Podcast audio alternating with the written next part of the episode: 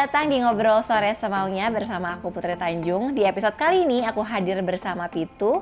PT Pintu ke mana saja dikenal dengan nama brand Pintu merupakan platform jual beli dan investasi aset kripto yang berfokus pada mobile. Aplikasi Pintu terdaftar dan diawasi oleh Bapepti dan Kominfo. Pintu hadir dengan menawarkan kemudahan dan keamanan dalam berinvestasi aset kripto. Saat ini selain aset kripto seperti Bitcoin, Ethereum, dan lain-lainnya, per Januari 2022 kemarin kemarin, Pintu sudah memiliki lebih dari 40 aset kripto yang diperdagangkan. Adapun Pintu juga menghadirkan berbagai inovasi dan salah satu fitur terbaru Pintu adalah Pintu Earn. Melalui fitur ini, pengguna Pintu bisa mendapatkan bunga hingga 15% annual percentage yield cukup dengan menyimpan aset kripto di Pintu Earn dan saat ini sudah tersedia 6 pilihan token investasi yang ada di Pintu Earn. Dan tentunya masih banyak lagi informasi menarik tentang Pintu. Kali ini aku kedatangan young leader dan entrepreneur, sosok anak muda inovatif yang merupakan founder dan CEO dari Pintu. Langsung aja kita sambut Jet Sutoyo. Hai Jet. Hai, hai. Selamat Apa siang. kabar? Baik, Selamat baik. siang. Thank you. How are you? I'm okay, I'm good, how are you? Very good, thank you. Senang akhirnya kita bisa ketemu. Iya, kita udah berkali-kali coba nyocokin jadwal, tapi karena pandemi nggak nggak kesampaian. Tapi akhirnya sekarang Akhirnya kita, iya. Eh by the way, udah 2022 cepet banget ya sih? Udah setengah jalan loh. Iya, I know. Cepet ya. Gila. Cepet banget. Gimana 20, 2022-nya so far? Ah, lumayan hektik ya. Uh, Hmm. Kita banyak uh, mencoba untuk merilis produk baru dan juga yang pasti ekspansi uh, timnya yang sekarang 170 kita ada goal untuk mungkin melipat gandakan uh, jumlah tim kita. Jadi busy, busy first quarter. Jet, kan sebenarnya sebelum kita ngobrolin lebih lanjut lagi soal pintu dan segala macamnya, kemarin itu sebenarnya di 2021 apa kayak the biggest lesson learn yang lo lalui atau lo lewati? Apalagi kemarin ada pandemi kan? Ya, um, sebenarnya lesson saya banyak ya. Hmm. Uh, tapi generally speaking, I think um, sometimes uh, timing is is out of your control menurut Betul. gua, ya kan. Um, who knows kayak wh- what can happen and and when something can happen. Jadi mungkin lebih kayak ini balik lagi sih sebenarnya ke pintu ya. Iya. Uh, kita tuh pas tahun laun- launching pas awal 2020 kita nggak nyangka sebenarnya actually um, interest terhadap trading dan investasi itu akan se- sebesar ini, Bener, ya kan? bener. Dan karena adanya pandemi kayak uh, bisnis investasi jadi makin besar. So I think a big part of it is, is timing yang out of our control, something that I learned. Waktu itu waktu awal pertama kali lo mau bikin pintu, apa yang sebenarnya apa apa trigger awalnya lo pingin bikin pintu? Ya, mungkin jadi awalnya itu tuh karena pengalaman gue sendiri sih Hmm. Pas mencoba investasi dengan beberapa aplikasi-aplikasi lain Iya. di Indonesia. Iya. Dan pengalaman gue itu um, terus terang uh, agak ribet gitu Hmm. pas gue coba pakai aplikasi-aplikasi ini dan gue merasa untuk orang-orang awam yang mungkin bukan hanya baru terhadap uh, konsep kripto tapi juga Iya. baru terhadap konsep investasi Iya. diperlukan sebuah platform yang jauh lebih mudah dan dari sana itu membuat gue uh, lumayan yakin bahwa ada keperluan untuk aplikasi seperti pintu. Tapi kenapa lo tertarik dengan dunia investasi awalnya, terutama kripto? Iya, jadi mungkin ini cerita sedikit tentang tentang gue ya. Hmm. Uh, tahun 2017 itu uh, kan pas lagi kripto lagi booming ya, Iya. dan gue juga sendiri mencoba menggunakan kripto untuk mengirim uh, mengirim dana untuk gue sekolah di US Oke. saat itu. Jadi gue menggunakan kripto dan Menarik. gua- 2017 nih ya, Iya. udah lama juga ya. betul udah 4 tahun ya. Tuh. gue merasa kayak dari segi efisiensi uh, waktu dan juga costnya itu jauh lebih uh, murah Hmm. dibanding uh, mengirim uang melewat uh, perbankan sistem Oke. perbankan. Jadi itu yang membuat gue lumayan tertarik terhadap konsep blockchain dan konsep cryptocurrency. Oke. So yang apa yang kayak membuat lo waktu itu berani? Karena kan waktu awal-awal lo bikin pintu, Iya. itu kan belum awam dong pasti di Indonesia. Apa yang waktu itu akhirnya lo berani banget untuk, oke, gue memutuskan untuk bikin sebuah bisnis yaitu adalah pintu. Sebenarnya balik lagi ke pengalaman gue sendiri sih dan pengalaman teman-teman gue yang menggunakan uh, berbagai macam aplikasi uh, investasi yang lainnya. Semua orang selalu komplain ke gue bahwa pengalaman mereka itu buruk di beberapa aplikasi-aplikasi Iya, lain. iya. Dan jadi itu membuat gue yakin bahwa ada demand untuk sebuah platform seperti Pintu. Jadi itu yang membuat gue yakin, Yakin sih. ya? Iya. sebagai seorang pengusaha kan ya kita sama-sama tahu ya bahwa kan pasti semuanya nggak smooth lah pasti ada ups and down-nya waktu itu tantangan terbesar lo membuat pintu apa? Tantangan terbesar ya um, mungkin tahun 2020 ya pada saat awalnya pandemi menurut gue itu untuk uh, nge-scaling uh, sebuah tim yang mungkin masih hmm. kecil dan masih uh, dikatakan masih masih muda ya yeah. waktu itu uh, menjadi tim yang besar itu menurut gue lumayan besar karena kita nge-scale up dari tim yang kira-kira 15 orang sampai 170 orang itu uh, hmm. uh, mostly dari working from home jadi uh, itu menurut gue salah satu tantangan yang yang uh, lumayan uh, dialami ya sama at, at, at the end of the day kayaknya uh, every business is all about the people ya jadi Setuju banget mencari orang dan uh, mencari partner untuk bisa yeah. membangun sebuah bisnis itu menurut gue salah satu tantangan yang besar juga. Sebenarnya mungkin salah satu tantangannya juga yang gue rasain adalah meyakinkan orang-orang untuk bekerja bareng-bareng sama kita kan, yeah. Jet. Ya. Waktu yeah. itu gimana caranya lo bisa meyakinkan uh, tim lo dan partner-partner lo dengan konsep yang mungkin waktu itu belum terlalu awam? Iya, yeah. menurut gue itu sebuah uh, challenge mm -hmm. dan dilema yang dialami uh, semua semua founder ya. Betul. Karena pada awalnya ya, semuanya bermulai dengan sebuah mimpi dan sebuah visi dan misi yeah. ya. Sama sepertinya sama gue sih. I think uh, awal mulanya tuh kita uh, berjajak mulai dari long term vision dari apa yang ingin kita bangun gitu. Dan hmm. itu vision itu harus relatable menurut gue ke ke ke tim-tim yang lain kan. Setuju. Dan menurut gue sih awalnya dari sana.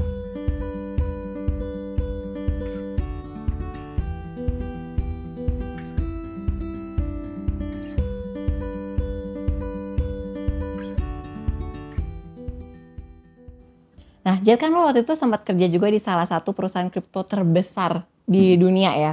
Waktu itu pelajaran terbesar yang lo dapatkan dari pengalaman itu apa? Yang lo akhirnya lo bawa dan membantu lo untuk membangun pintu? Pelajaran terbesar ya, waktu itu gue di konsensus. Hmm. Um, sebuah konsep namanya product market fit. Hmm.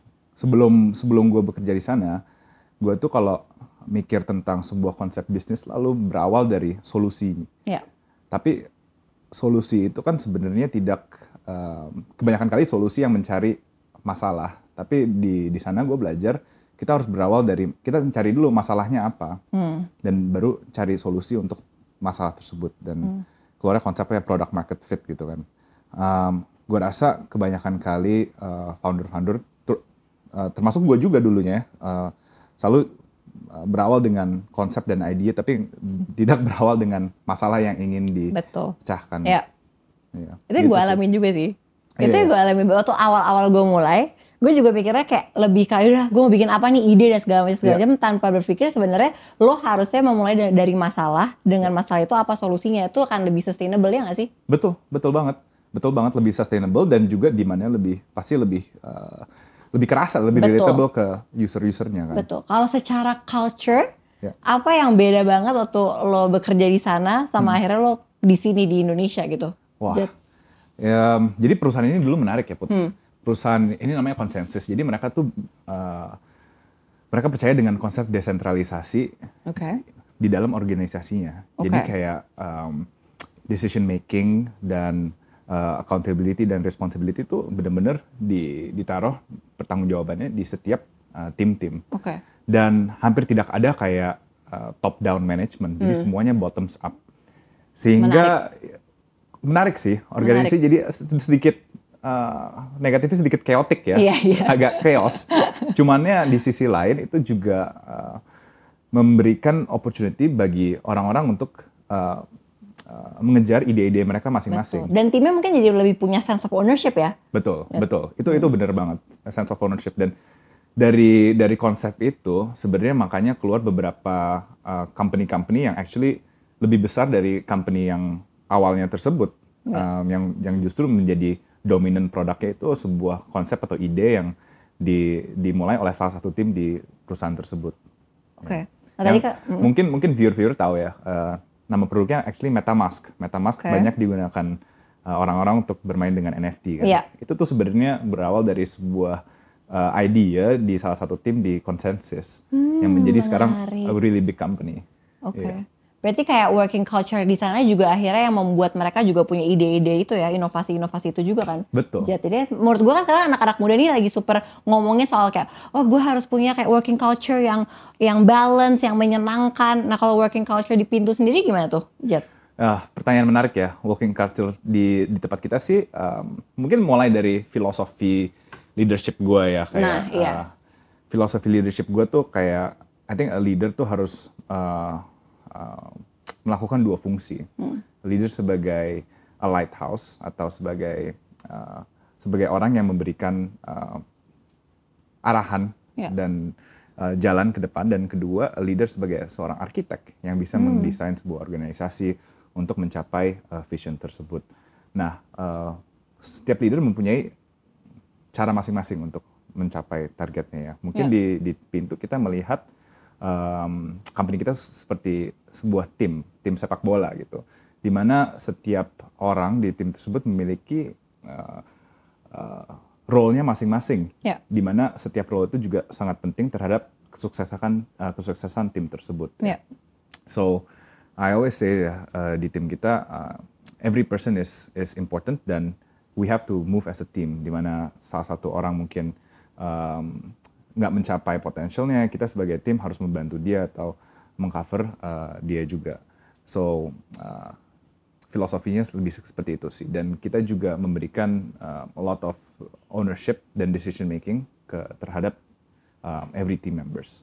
Oke. Ya. Dan itu sebenarnya penting banget juga ya karena balik lagi sebenarnya penting banget untuk tim kita itu juga punya sense of ownership ya. Betul. Uh, karena kalau dengan itu jadi mereka juga jadi lebih semangat kerjanya dan segala macam. Kemarin tuh lucu banget. Jadi gue ada ada interview kan Hmm. beberapa orang gitu. Terus tiba-tiba kayak mereka selalu nanyanya tuh selalu ngomongin soal working culture. Ya. Terus habis itu dia tanya, tiba-tiba gue ditanya gini, e, Kak Putri kalau di kerja di CXO ada mental health benefit nggak? So kayak wow ada ya sekarang yang namanya mental health benefit. Jadi kayak gue ngeliat wah ternyata sekarang tuh kebutuhan tim tuh beda-beda ya dan macem-macem banget gitu. Tapi yang gue lihat dari sekarang anak-anak muda tuh mereka senang banget untuk bekerja sama perusahaan yang pastinya punya inovasi-inovasi baru. Terus mereka you know juga agile dan adaptif dan segala macam. Dan itu kan yang ada di pintu juga. Betul. Nah, menurut lo Jad sebagai pendiri platform aset kripto yang berbasis mobile di Indonesia, apa yang membuat lo yakin bahwa inovasi ini bisa berhasil?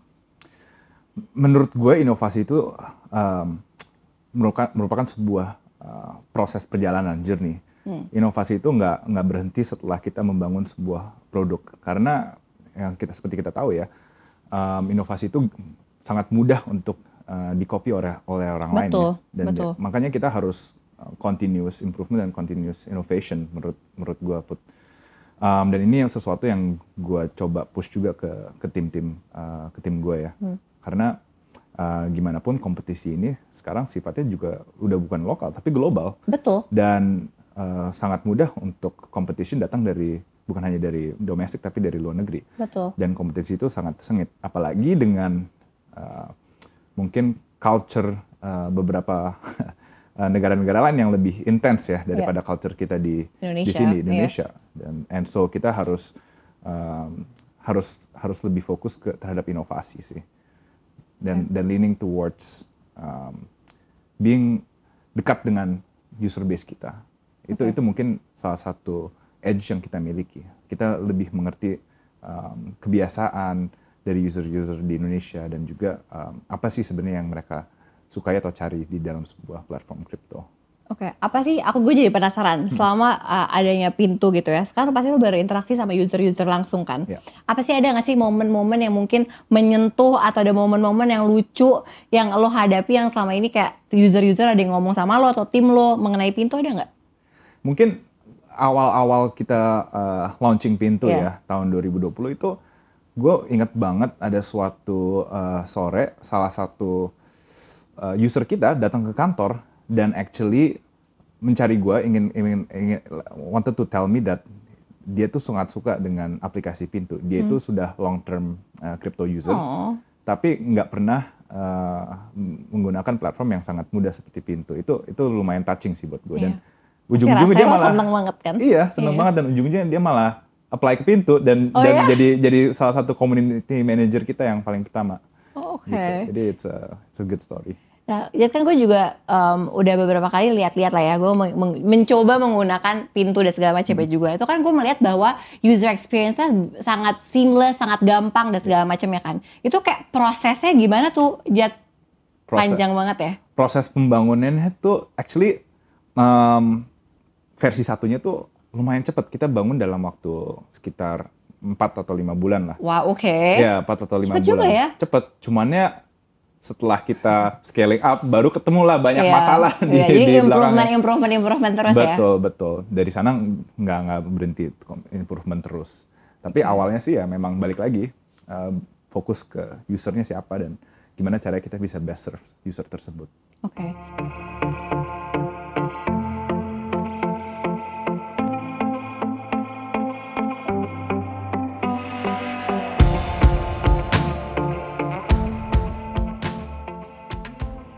Bisa nggak ceritain kenapa namanya pintu? Dan gue baru tahu ternyata PT-nya tuh adalah pintu ke mana saja. Iya. Apa kalau penggemar Doraemon seperti Sebenarnya lebih ke ideologi ya sih Put. Okay. Jadi um, dunia kripto dan blockchain itu kan membuka uh, jalan bagi semua orang dapat berpartisipasi dalam sistem finansial yang Betul. berskala global. Iya. Dan di pintu itu kita ingin menerapkan konsep tersebut melalui nama PT kita. Jadi kita bisa masuk di uh, salah satu sisi pintu dan keluar di sisi pintu lainnya di mana pun di di dunia ini. Yeah. Sama seperti pintu ke mana saja ya. Dengan yeah. blockchain kita bisa ngirim aset aset ke mana pun di dunia dan juga bisa berpartisipasi dalam produk-produk uh, finansial berskala global. Nah itu sih um, kenapa kita namain pintu ke mana saja. Oke, tadi kan lo udah bilang bahwa salah satu tantangannya juga untuk pintu adalah kompetisi yang global kan. Yeah tantangan lainnya menurut lo ke depannya nih cryptocurrency ini akan seperti apa sih in like in five years? Karena kemarin pas gue bilang sama teman-teman gue gue mau ngobrol sama lo semua tuh langsung nitip pertanyaan eh tanyain dong kayak nanti ke depannya lima tahun lagi kayak the future of cryptocurrency itu akan seperti apa? Gitu. Siapa tahu Jet punya knowledge atau punya idea akan ke mana sih sebenarnya? Hmm, pertanyaan yang bagus ya. Um, menurut saya tuh pin apa kripto ini dalam masa di mana kita transisi ke dari niche user base ke mainstream users ya. Oke, okay, ke mass um, ya. Ke mass market. Yeah. Di mana um, dulu awalnya itu kripto dipakai uh, oleh hobiis-hobiis dan orang orang-orang yang yang suka terhadap konsep desentralisasi. Yeah. Kita ini masuk ke tahap uh, mass user base dan lumayan menarik, apalagi dengan uh, geopolitik yang sekarang lagi kenceng di dunia ya yeah. antara Rusia, China dan US. Um, kita udah lihat contohnya uh, Rusia uh, ditutup uh, di block off dari financial system dunia, yeah. banyak yang menggun mulai menggunakan sistem blockchain untuk melakukan transaksi uh, hmm. keuangan kan. Dan aku rasa kita baru di di, di awalnya dalam mass adoption ini. Kalau kita tarik balik ke internet di tahun di akhir tahun 90-an, mungkin kita sekarang memasuki zaman zaman-zaman tersebut ya. Hmm. Di mana 10 tahun ke, ke, ke depan, aku rasa impact dari inovasi blockchain kemungkinan besar akan lebih besar impactnya uh, dibanding sama internet. Oke. Okay. Karena internet itu bisa dikatakan sebagai uh, network yang membantu orang sharing data. Yeah. Tapi kalau blockchain ini adalah sebuah network yang membantu orang sharing anything of value. Yes. And it has a direct impact to economy. Dan menurut aku itu tuh impactnya akan jauh lebih besar daripada internet. Okay. Mungkin itu suatu prediksi. Gimana caranya Pintu bisa mengedukasi usernya atau masyarakat luas mengenai fenomena ini dan gimana caranya mengedukasi juga agar kita kita sebagai masyarakat lebih lebih mengerti cara berinvestasi dengan aman gitu. Iya, jadi contohnya put salah satu uh, fitur yang kita miliki di Pintu adalah konsep dollar cost averaging. Oke. Okay. Di mana kita uh, mencoba untuk mengedukasi user base kita untuk tidak FOMO saat hmm. berinvestasi kan kebanyakan orang biasanya uh, FOMO dan yeah. fear of missing out iya, ya. fear of missing out dan ujung-ujungnya ngegantung di atas iya. investi yeah. investasinya. Jadi kita menganjurkan uh, pengguna pintu untuk pelan-pelan berinvestasi dengan dengan cara yang lebih responsibel ya uh, dan melakukan itu secara rutin dan teratur. Karena secara uh, historical emang itu udah terjamin lebih efektif daripada uh, langsung invest di harga-harga tertentu. Oke, okay. jadi udah ada ya fitur-fitur yang membantu itu ya, hmm. Jet? Oke, Oke, Jet, now let's talk about you as an entrepreneur. Ya. Kan lo sebagai entrepreneur cukup muda kan, memulai bisnis juga sangat muda gitu. Lo pernah takut gagal gak sih Jet? Pernah banget, Put. Itu mungkin salah satu uh, ketakutan gue yang paling besar ya, ketakutan fear of failure. Iya. Um, dan dan gue selalu mikir sih balik lagi kayak gue rasa ini di, di dirasai oleh banyak orang ya Iya. di, di Indonesia ya apalagi dengan sekarang media yang sangat um, menaruh spotlight uh, di kalangan entrepreneur atau atau orang-orang yang sudah sangat sukses itu menjadi Iya. pressure kan buat Betul.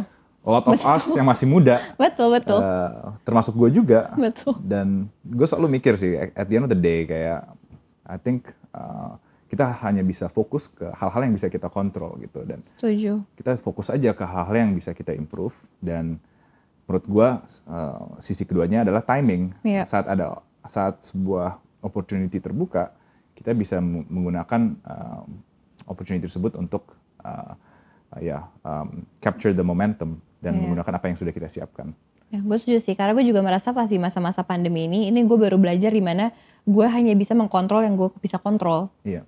Ya nggak sih? Betul banget. Tiba-tiba kayak emang ya udah, tiba-tiba semuanya waktu itu work from home, gue nggak bisa kontrol apa-apa, tiba-tiba demand semua usaha juga turun dan segala macam ya kan. Jadi ya udah, gue sekarang mencoba untuk fokus hal-hal yang gue bisa kontrol aja. Itu susah loh Jet by the way. Iya. Untuk bisa di tahap itu kan. Betul bet- betul banget apalagi dengan you know uh, banyak banyak voices, banyak Betul. banyak orang di sekitar kita yang mungkin yang uh, mencoba memberikan advice ini itu.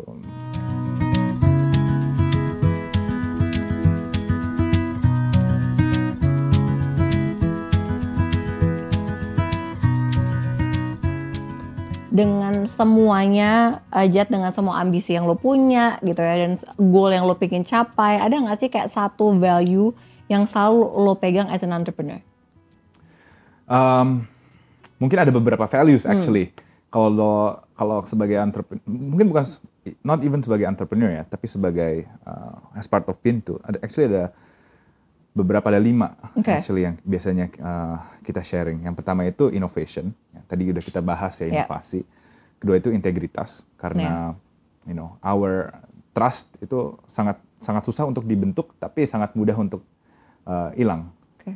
Um, yang ketiga itu passion, karena menurut gua kita bekerja melakukan sesuatu tuh harus passionate ya.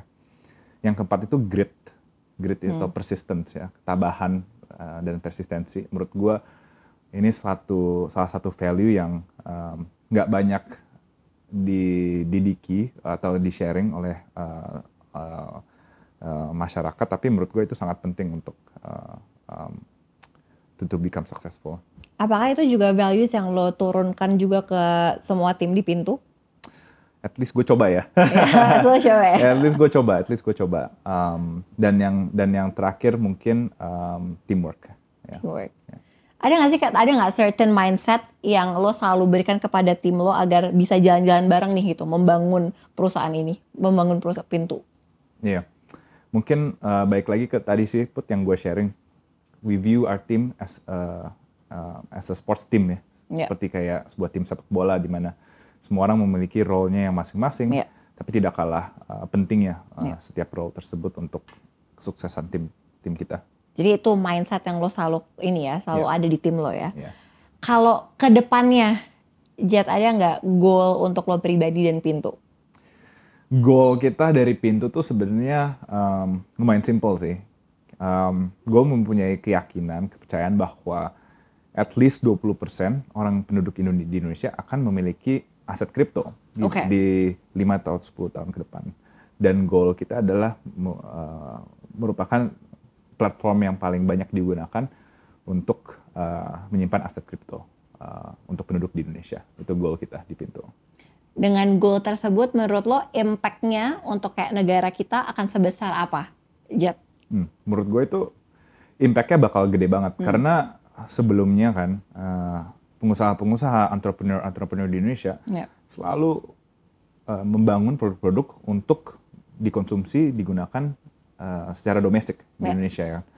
Dengan adanya kripto, sekarang itu kita bisa membangun produk yang digunakan eh, di seluruh dunia, produk-produk finansial yang digunakan di seluruh dunia. Ya. seperti konsep DeFi ataupun sekarang juga uh, berkembangnya NFT ya. Ya. Ada beberapa proyek-proyek Indonesia yang uh, sukses menjadi um, proyek yang dikenali di seluruh dunia Ya. dan menurut gue itu uh, sesuatu yang sangat net net positif untuk Indonesian uh, the Indonesian economy. Oke. As an entrepreneur, ada nggak pesan-pesan atau kayak semangat untuk anak-anak muda yang ingin banget bikin usaha gitu? Karena kan sekarang uh, fun fact Jat yang nonton uh, ngobrol sore semuanya tuh banyak banget yang um, rising entrepreneurs. Jadi mungkin lo ada pesan-pesan khusus nggak untuk mereka? Ya, yeah, I think um, gue dulu juga pernah uh, diberikan sebuah sebuah advice ya dari orang yang lumayan gue kagumi. Um, uh, yaitu time in the market is timing the market. Oke. Yaitu basically uh, mencoba untuk menjelaskan bahwa kadang-kadang tuh kita nggak bisa mengukur kapan kita akan sukses. Tapi kalau kita uh, continue to be persistent dan uh, terus never give up untuk mencapai goal tersebut, um, biasanya uh, kesuksesan akan datang dalam waktunya Setuju. sendiri ya, which is Setuju. out of our control again. Bener, balik lagi tuh tuh ya. Iya. Semuanya emang out of our control. Oke, Jet, thank you so much. Thank Udah so ngobrol-ngobrol. Tapi last question, ini kan obrolan kita akan stay forever di Yeah. YouTube dan platform kita. Kalau misalkan lo iseng nih lima tahun lagi, lo nonton interview kita lagi, apa yang lo mau sampaikan ke diri lo di lima tahun mendatang? Ya, Put, mungkin ini uh, actually lucu juga ya, karena kita juga saling sama-sama baru menikah ya. Oh iya benar. Advice gue, By the way, kita baru banget loh. Gue 20 Maret, lo 19 ya? 19 Maret Iya, gua. berbeda sehari doang. iya. Jadi mungkin advice gue, um, jangan lupa spend more time with the family. Uh, that's probably sesuatu yang ingin gue uh, give to myself advice. Make sure dalam kesibukan kita kan, put uh, dengan pekerjaan dan lain-lain, jangan sampai jangan lupa meluangkan waktu untuk keluarga.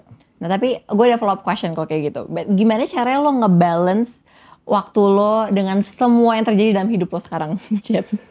itu itu itu susah banget. iya gak sih? Honestly, susah Itu banget. juga susah banget sih. Kalau lo gimana caranya? Ada nggak kayak certain tips gitu? biasanya kita cut off weekend. Oke. Uh, mungkin hari Minggu gitu bener-bener nggak nggak nggak nggak megang laptop atau HP dan coba fokus ke uh, family. Itu sih guard yang apa railing yang gue pak gue pakai saat ini. Kalau untuk kesehatan mental sendiri, Jet, lo ada nggak sih tips-tips khusus untuk kayak biar lo selalu sane aja dengan semua yang terjadi? Kalau buat gue tuh jogging, Lo jogging, Jogging, ya? gua suka Lo jogging. pagi? mencoba gue nyoba untuk setiap pagi. Ya. Kalau lu sendiri? Itu penting ya, ada rutinitas gitu ya. Iya betul. Gue tuh apa ya, gue suka pilates sih. Gue mencoba untuk pilates setiap pagi juga. Oke. ya. Itu membuat gue agak lebih sane Tenang lah. ya. Iya Lebih tenang lah. betul. Gitu. Sama lah. Jet, thank you so much. Thank you so much. Semoga Pintu bisa terus berkolaborasi sama CXO Media. Pasti. Thank pasti. you so much. Terima kasih teman-teman yang sudah nonton Ngobrol Sore Semaunya episode kali ini. Sampai ketemu lagi di Kamis depan. Bye-bye. you